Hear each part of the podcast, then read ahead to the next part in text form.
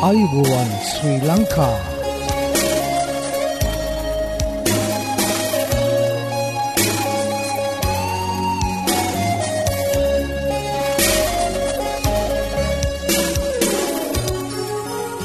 ඔබට සුපදවසක් මේ ඇඩවෙන්ටිස් වර්ල් රේඩියෝ බලාපොරොත්වය හඬයි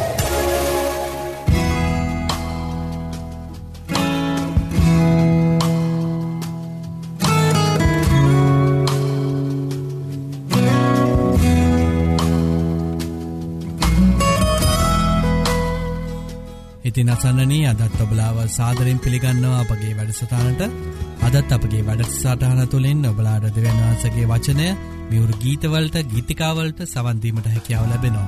ඉතිං මතක් කරන්න කැවති මෙම වැඩසටානගෙනෙන්නේ ශ්‍රී ලංකා 7ඩ ඇඩවෙන්ටිස් කිතුුණු සභාව විසින් බව ඔබලාඩ මතක් කරන්න කැමති. ඉතින් රැදිී සිටින්න අප සමඟ මේ බලාපොරොත්තුවය හඬයි.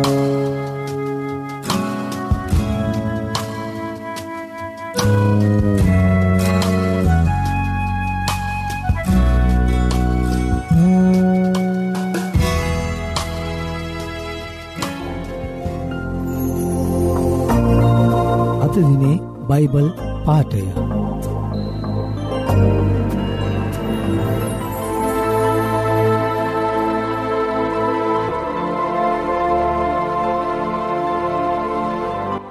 ශුද්ධෝ මතෙව් පස්වන පරිච්චේදේ හතලි සතරණ පදය.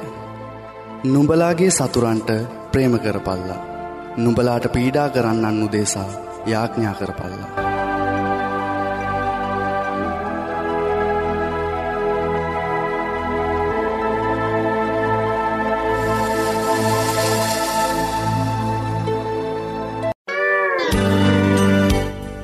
ආයුබෝවන් මේ ඇඩවෙන්ටිස් වර්ල් රේඩියෝ බලාපොරොත්තුවය හඬ. යෙසායා පනස්සිකි දොළහා නුඹලා සනසන්නේ මමය. ඔබට මේ සැනසීම ගැන දැනගානට අවශ්‍යද? එසේ නම් අපගේ සේවය තුළින් නොමිලේ පිදෙන බයිබල් පාඩම් මාලාවට අදම ඇතුල්වන්න. මෙන්න අපගේ ලිපිනය ඇඩවෙන්ටිස් වල් රේඩියෝ බලාපොරොත්තුවේ හඬ තැපැල් පෙටිය නමසේ පා කොළඹ තුන්න.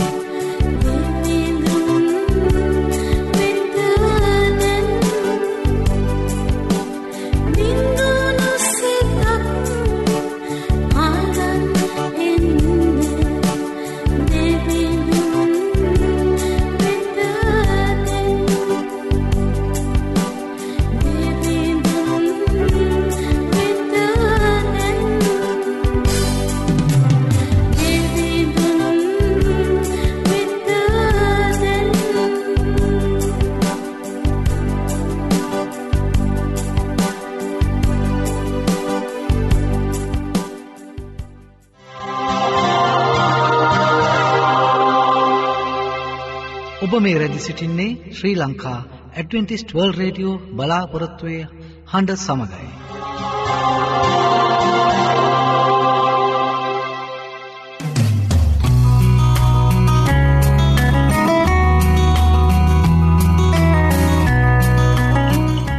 ඉතින් අසන්නනී ඔබලාට ස්තුතිවන්ත වෙනවා අපගේ මෙම වැඩසටාන් සමඟ එක්වී සිටීම ගැන ඇතින් අපි අදත් යොමුුවමු අපගේ ධර්මදේශනාව සඳහා අද ධර්මදේශනාව ඔබහටගෙනෙන්නේ විලීරීත් දේවගෙදතුමා විසින් ඉතින් ඔහුගෙනන ඒ දේවවාක්‍යයට අපි දැන් යොමු රැඳදි සිටින්න මේ බලාපොරොත්තුවය හඬ.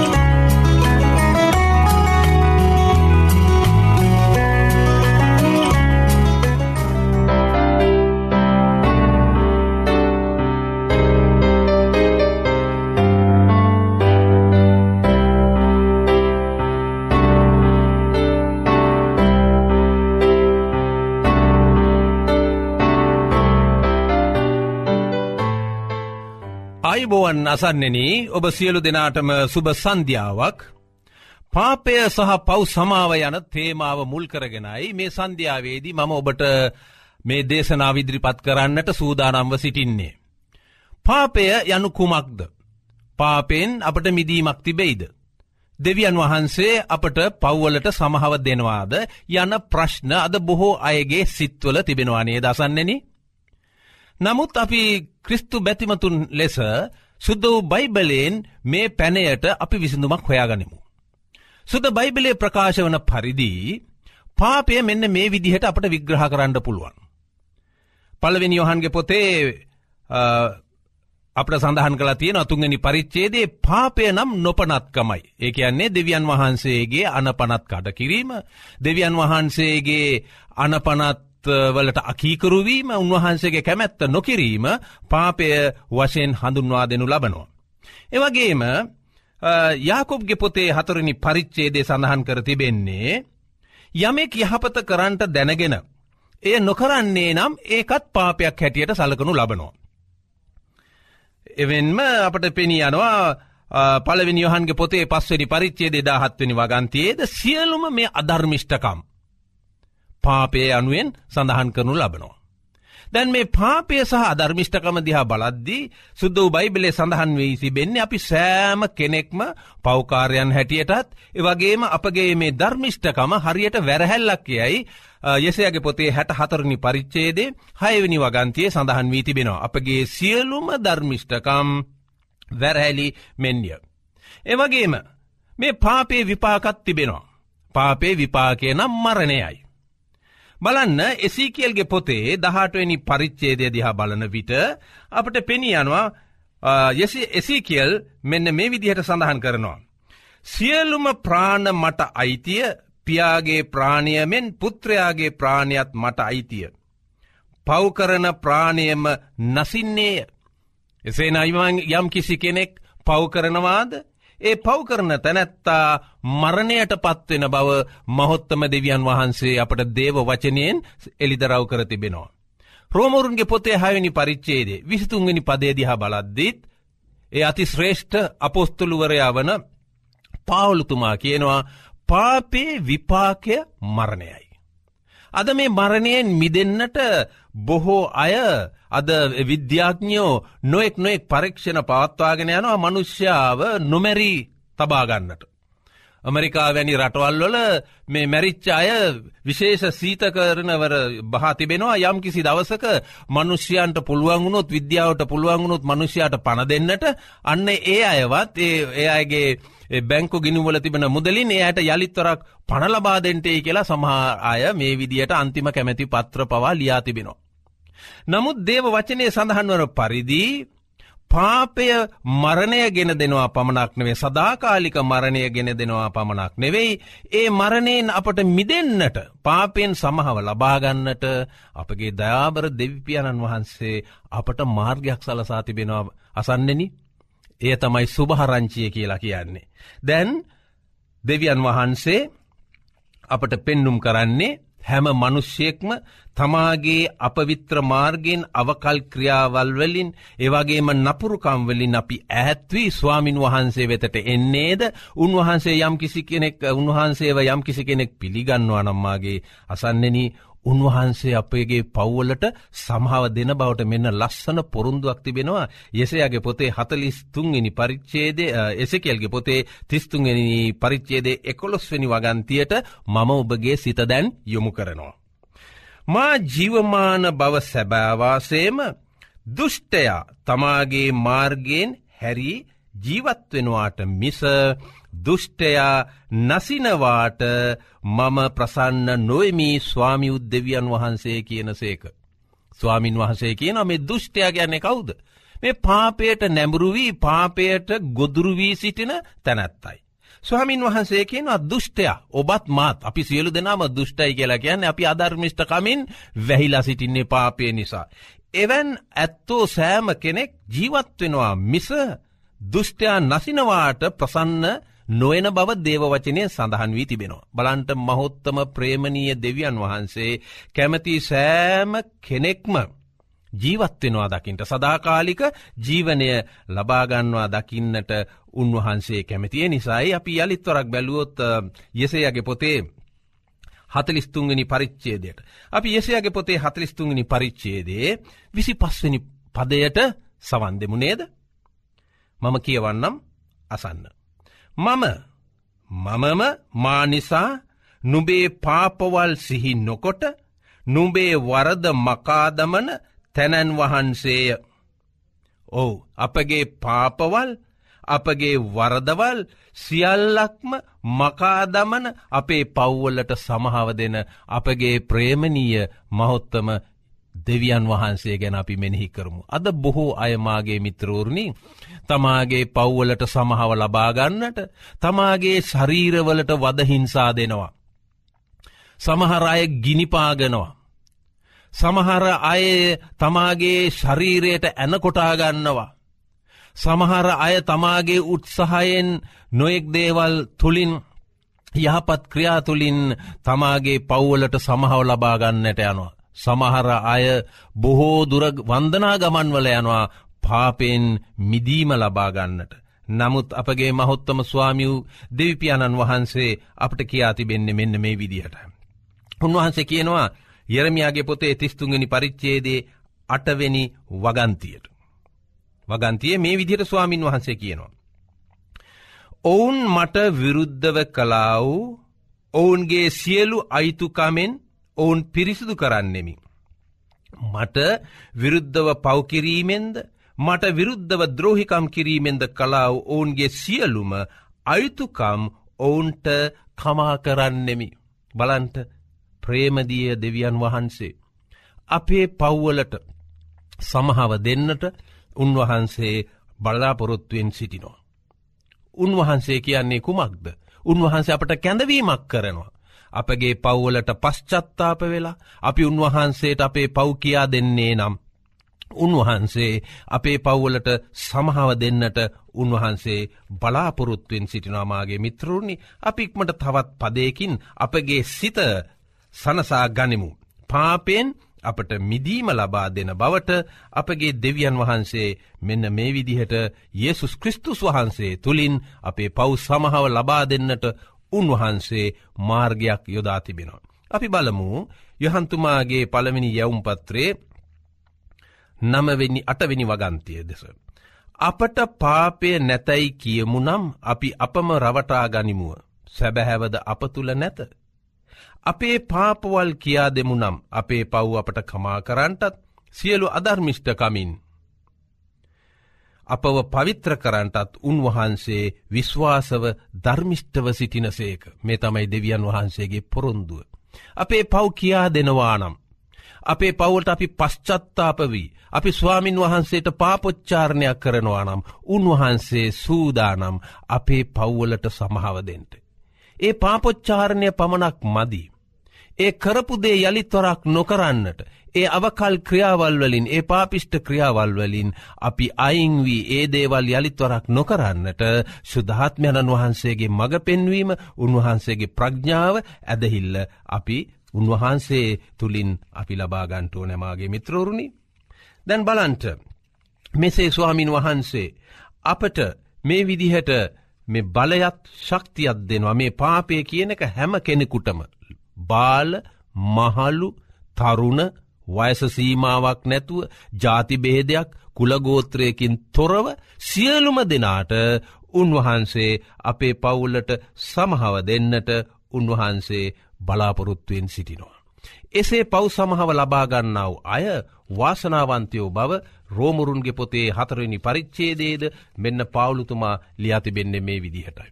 ඉන්නිසා පාපයට ස්වාමින් වහන්සේ සමහව දෙන්නට සූදානම්ව සිටිනවා. පාපයෙන් මනුෂ්‍යාව මුදවාගන්නට අපගේ මහොත්තම ස්වාමියූ යේසුස් කෘස්තුස් වහන්සේ කල්වෙරි කුරුසේ උන්වහන්සේගේ වටිනා ජීවිතය පූජා කෙරවා.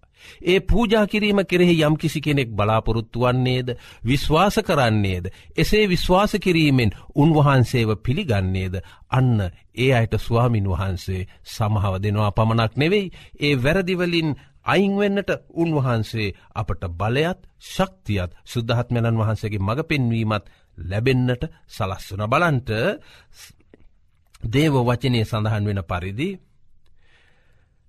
පව්වලට සමහව ලබාගන්නාව අය වාසනාවන්තයි. පව්වලට සමහව ලබාගෙන ක්‍රිස්තුස් වහන්සේ තුළින් නව ජීවනයක් ආරම්භ කරන අයත් ඊටත් වඩා වාසනාවන්තයි. මෙන්න බලන්ට රෝමෝරුන්ගේ පොතේ හතරණි පරිච්චේදේ හත්වෙනි සහ අටවෙනි වගන්තිවල මෙන්න පාවුලුතුමා සඳහන් කරන්නේ මෙන්න මේ විදිහටයි. බලන්ට ඔබත් කැමතිද මේ වැනි වාසනාවන්ත ජීවිතයක් ගත කරන්නට. ඔබත් කැමතිද මේ වාසනාවන්ත කණ්ඩායමටෙක් අහුවෙන්ට. මෙතන කියන්නේ තමුන්ගේ අයිතුකම්වලට කමාවත් තමුන්ගේ පාපයට වැස්මත් ලැබූ තැනැත්තෝ ආශිරුවාද ලද්දෝය. පාපය අපේ ජීවිතයේ තිබෙන කල් පාපිෂ්ට ක්‍රියාවල් වල යෙදෙන තාක්කල් අපේ ජීවිත අවාසනාවන්තයි. පාපය නිසයි හිතේ වෛරය ක්‍රෝධය ඉරිෂියාව වැනි දේවල් තිබෙන්නේ.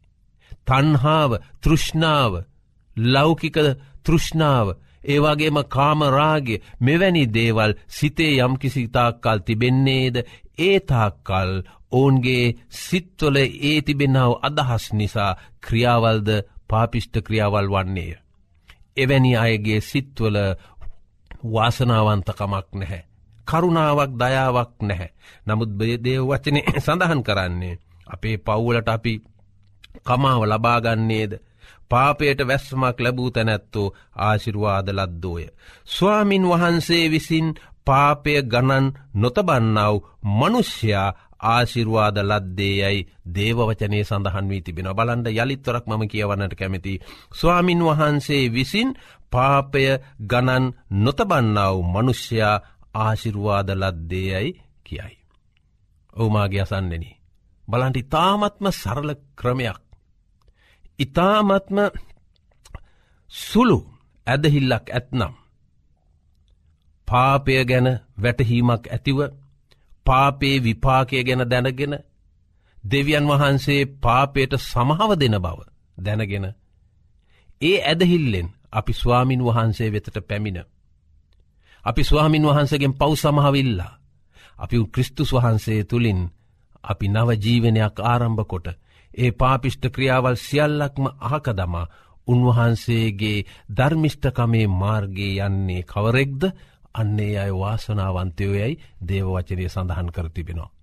ඔබත් කැමතිද මෙවැන් වාසනාවන්ත ජීවිතයක් ගත කරන්නට. ඔබත් කැමතිද ඔබගේ පෞකාර ජීවිතය අත්හැර දමා ක්‍රිස්තුස් වහන්සේ තුළ ධර්මිෂ්ට ජීවිතයක් ආරම්භ කරන්නට මෙන්න ඔබට අවස්ථාව ලැබී තිබෙනවා. එන්ට ස්වාමින් වහන්සේ වෙතට ඉගෙන ගන්න දේව වචනය උන්වහන්සේගේ වචනය කෙරෙ විශ්වාසය තබන්ට. අන්න ඔබට පුළුවන් Yesසුස් වහන්සේ තුළින් පව් සමහාව ලබාගෙන නැවතවරක් Yesසුස් වහන්සේ දෙවැනි වරට මෙලෝට වඩින විට උන්වහන්සේගේ ශ්‍රී මුහුණ දැක ගැනීමෙන් සදාකාලික ජීවනය ලබා ගැනීමේ වරප්‍රසාදය ඔබට ලැබෙනවා. ඔබ සියලු දෙනාටම දෙවියන් වහන්සේගේ ආශිර්වාද ලැබෙත්වා පාපෙන් මිදෙන්නට පෞකාර ජීවිත අත්හැර දමන්නට ස්වාමින් වහන්සේ ඔබ සියලු දෙනාටම ආශිර්වාද කරන සේක්වා. අපි යාඥා කරමු. අපගේ දයවන්ත ස්වාමීණී පාපයෙන් මනුෂ්‍යයාට මිදීම ලබා දෙන්නට ඔබවහන්සේ අපට දුන්නාව මේ පොරොන්දුවලට ස්තුතියි. ඊටත් වඩා කල්වරි කුරුසේ ජීවිතය පූජාකොට අපගේ පාපයන් සෝදා මකා හැර අපට නව ජීවනයක් ලබා දෙන්නට ඔබහන්සගේ එක ජාතක පුත්‍රයණන් කළ ඒ ජීවිත පූජාවට අපි ස්තුතිවන්ත වන්නෙමුව. මේ දේශනයට සවන් දෙන යමෙක් ඇද්ද ඒ අයගේ සිත්වල ඔවුන්ගේ ජීවිතය අලුත් කරගන්නට ඒ සිත්වල තිබෙන්නාව පාපිෂ්ට අදහස් උදහස් සියල්ලක්ම ඉවත් කරගෙන ඔබවහන්සේ තුළින් ශුද්ධහත්මරන් වහන්සේක මඟ පෙන්වීම ඇතුව ඒ නව ජීවනයට අවතීරණ වෙන්නට මේ මොහොතේදී ඔබහන්සේ ඔුන්ගේ සිත්වලට කතා කරන්නට. ස්වාමීණි ඔවුන්ගේ ජීවිත වාසනාවන්ත ජීවිතයක් කරන්න. ඔබහන්සේට පුළුවන් අපගේ ජීවිත විනස් කරන්න. මක්නිසාද ඔබහන්සේ අපගේ ජීවමාන දෙවියන් වහන්සේව සිටින නිසා. එනිසා මේ සියලු දෙනාටම පවසම්මහව ලබාගෙන ක්‍රිස්තුස් වහන්සේ තුළින් උන්වහන්සේ තුළ නව ජීවනයක් ආරම්භ කරන්නට. මේ අය ගන්නාව තීරණයට ඔබහන්සේගේ ආශිරවාද එක්කනු ලබත්වා ආමේෙන්. අසන්නන්නේ ඔබ මේ රැඳී සිටින්නේ ඇඩ්වෙන්ටිස් වර්ල් රේඩියෝ බලාපොරත්තුවේ හඬ සමඟ.